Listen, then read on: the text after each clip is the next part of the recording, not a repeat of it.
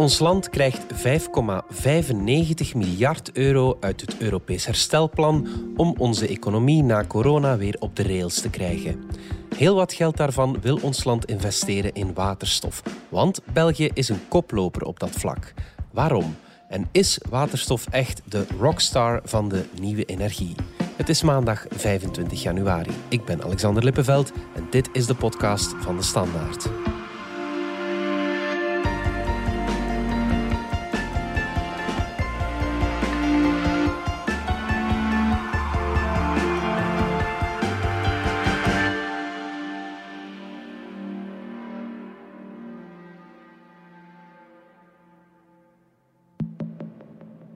And I believe, you know, there is so much attention for this. This has become sort of the rock star of new energies uh, uh, all across the world, and especially in Europe. Since we are leading on this, we should never leave that lead behind and continue to lead, and on this, and much more.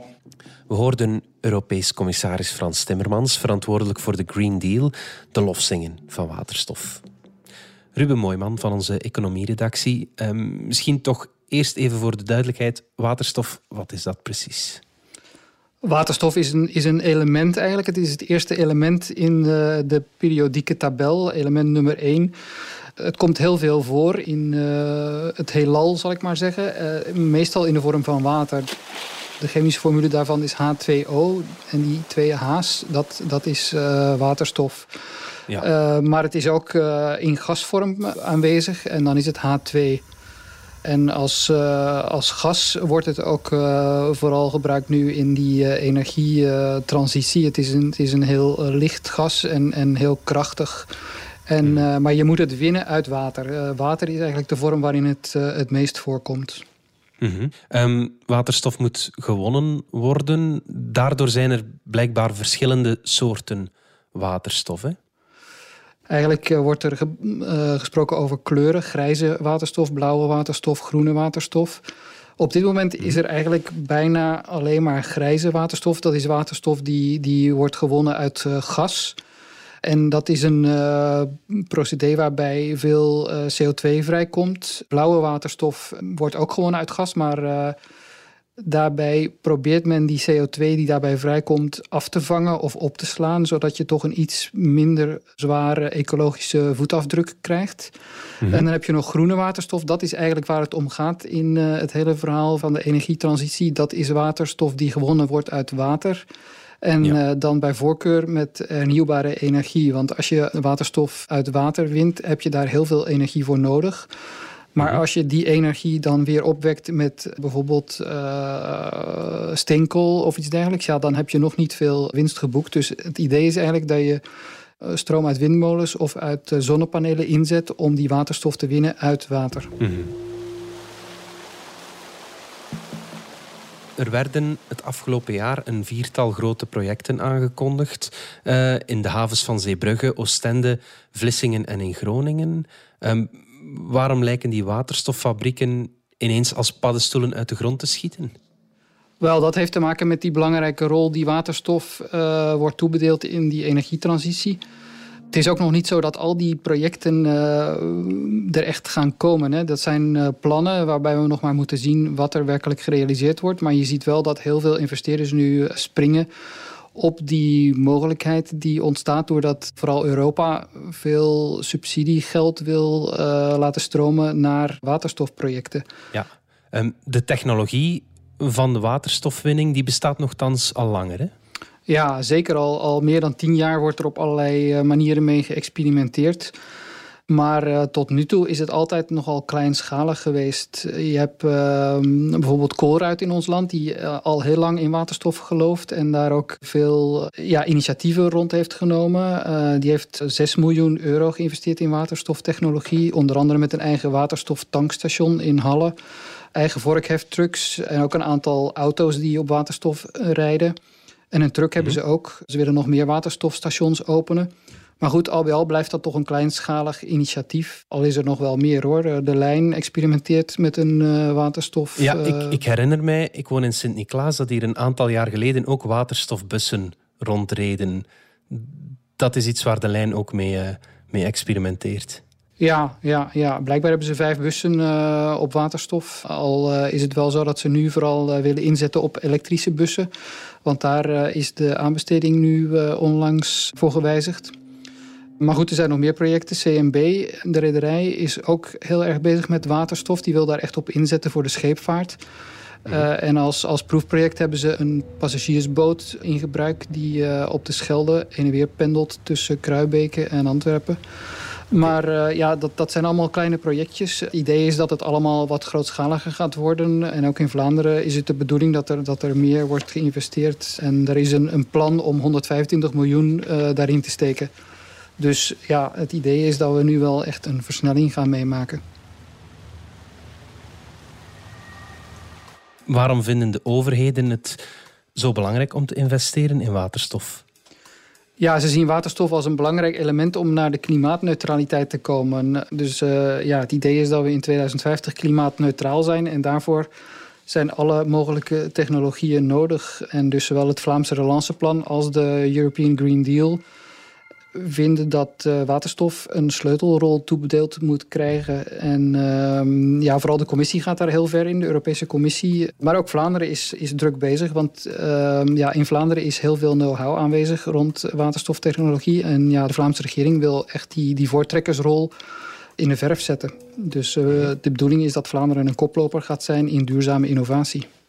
ik wil mij trouwens ook met de waterstofvisie als Vlaanderen volledig inschrijven in de Europese Green Deal en de Europese waterstofstrategie, omdat waterstof als energiedrager een cruciale rol zal spelen in de transitie naar een klimaatneutrale samenleving. Dat was Vlaamse minister Hilde Krevits, verantwoordelijk voor innovatie, eind december, naar aanleiding van vragen over de waterstofvisie. En ze voegde daar nog wat aan toe.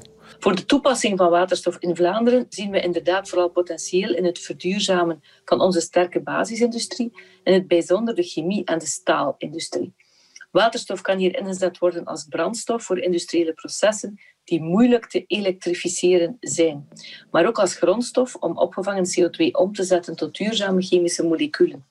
Daarnaast heeft waterstof een enorm potentieel voor het verduurzamen van zwaar wegentransport, busvervoer, de zee- en de luchtvaart. En is dat vertrouwen in waterstof terecht? Is het eenzijdig een heel positief verhaal of zijn er ook kanttekeningen bij te plaatsen? Wel, op zichzelf is waterstof waarschijnlijk wel een zeer waardevolle technologie om, uh, om de CO2-uitstoot te beperken. Maar ja, er zijn natuurlijk altijd uh, keerzijdes, ook bij groene waterstof.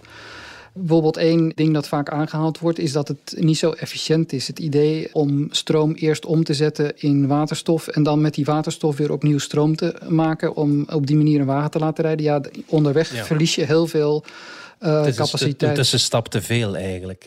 Ja, Windenergie, Dat, dat gaat recht naar het net door die wind. Bij waterstof heb je daar nog een, een tussenstap tussen. Ja, dat klopt. Maar goed, wat voorstanders zeggen is dat je op die manier wel veel overtollige stroom nuttig kunt gebruiken. Dus bijvoorbeeld als het heel hard waait en die windmolens op zee staan massaal te draaien ja, dan wordt niet al die stroom op dat moment gebruikt. Maar je kan dan wel de overtollige stroom gebruiken om waterstof te produceren... die je dan naderhand nuttig kunt gebruiken. Dat, dat is een beetje het idee achter die groene waterstof. Het is eigenlijk een slimme manier om stroom op te slagen als je het zo bekijkt. En een efficiënte. Ja. Mm, ja, ja, waterstof is eigenlijk een, manier om stroom op te slaan ja, ja, ja, en later weer opnieuw uh, in te zetten. Mm -hmm. Maar critici hebben het wel over de waterstofhype. Ja, wel, er is wel kritiek op, uh, laat ik zeggen, de um, rol van de industrie daarbij. Dus je hebt een aantal grote bedrijven die eigenlijk uh, actief zijn in de fossiele brandstofsector. Die nu in dat waterstofverhaal wel een kans zien om zichzelf op de voorgrond te plaatsen. bijvoorbeeld Corporate Europe Observatory, de, de NGO die het hele lobbygebeuren in Europa kritisch volgt heeft daar onlangs een interessant rapport over geschreven. En zij zien dat een aantal elementen die de industrie heeft voorgesteld door de Europese Commissie zijn, zijn overgenomen. Onder meer het uh, verhaal dat blauwe waterstof ook een belangrijke rol zou kunnen spelen in die energietransitie. Dat is ja. iets dat de industrie heel graag wil, maar waar de milieubeweging niet zo enthousiast over is, omdat ja, die hele technologie om de CO2 die daarbij vrijkomt op te slaan of, of te hergebruiken, uh, ja, die staat eigenlijk nog niet op punt. Dus dat is nogal een, uh, een verhaal waarvan het onzeker is of dat ooit gerealiseerd kan worden. Ja.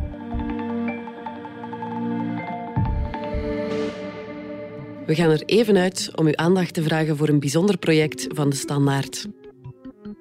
De Standaard lanceert in samenwerking met Universiteit Antwerpen Curieuze Neuzen in de tuin. Het grootste burgeronderzoek naar hitte en droogte ooit. De hitte- en droogterecords volgen elkaar op. Hoe beschermen we onze tuin tegen droogte? En hoe zorgen we ervoor dat onze tuin ons koelte blijft geven tijdens een hittegolf? Net dat onderzoekt Curieuze Neuzen in de tuin. En we doen dat samen met u. Word een van de 5000 curieuze neuzen of burgerwetenschappers en ontdek ook hoe het gesteld is met uw tuin. Schrijf u in via de app DS Nieuws of via standaard.be-curieuze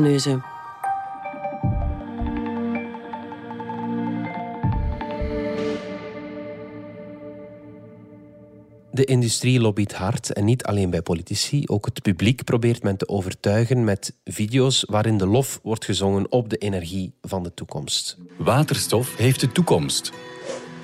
Overal zien we nieuwe toepassingen. Van mobiliteit, transport en elektriciteit tot waterstof in het aardgasnet of als basis voor chemische producten. Waterstof wordt steeds belangrijker in de duurzame wereld van morgen. Wat wordt er dan gedaan met die kritiek?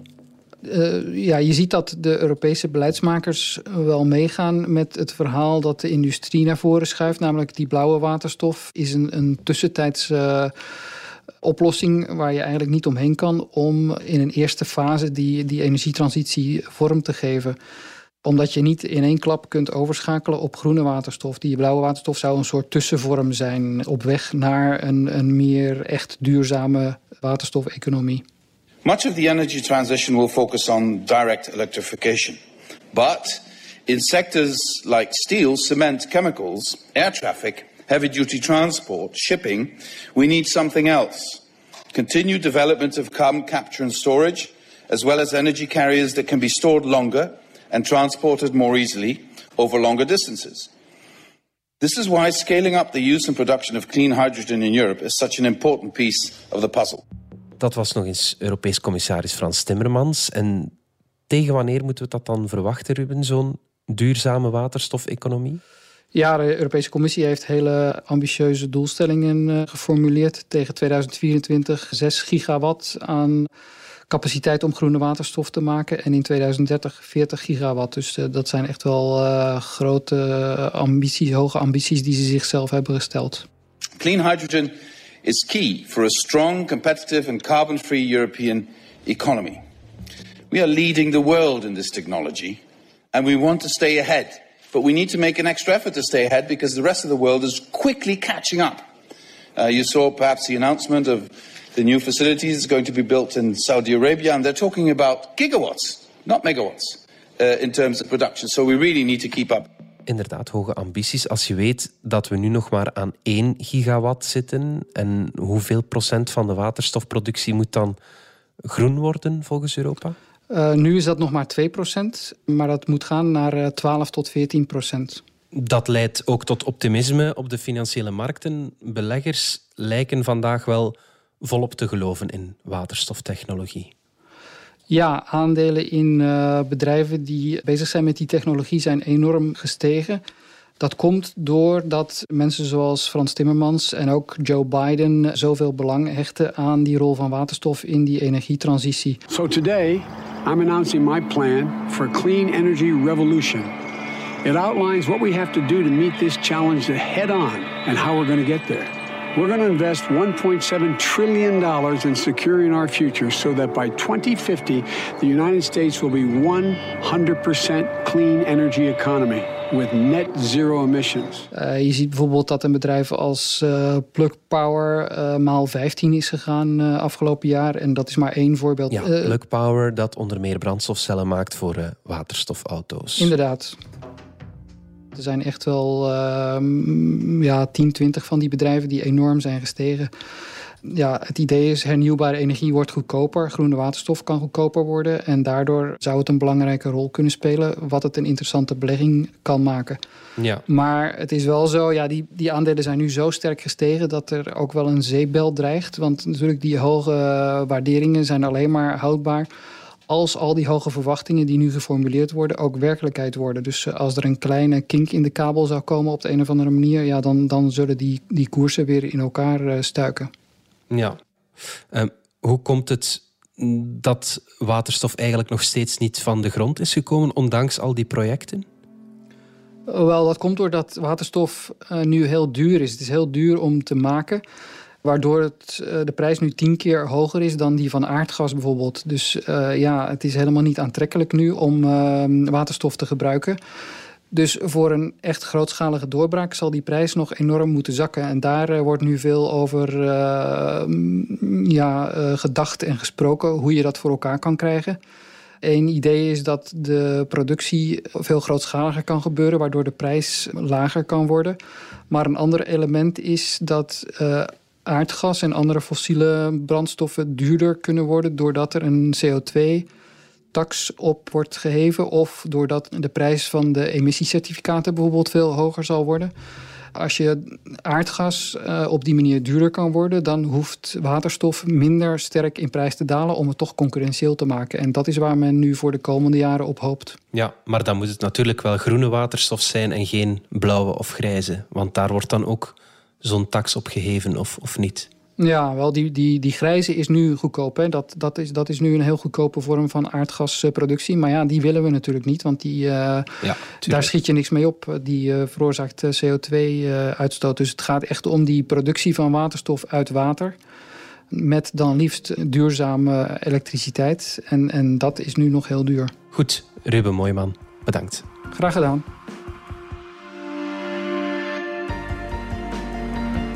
Dit was de podcast van De Standaard. Bedankt voor het luisteren. Reageren kan via podcast.standaard.be. Alle credits vind je op standaard.be-podcast. Morgen zijn we opnieuw.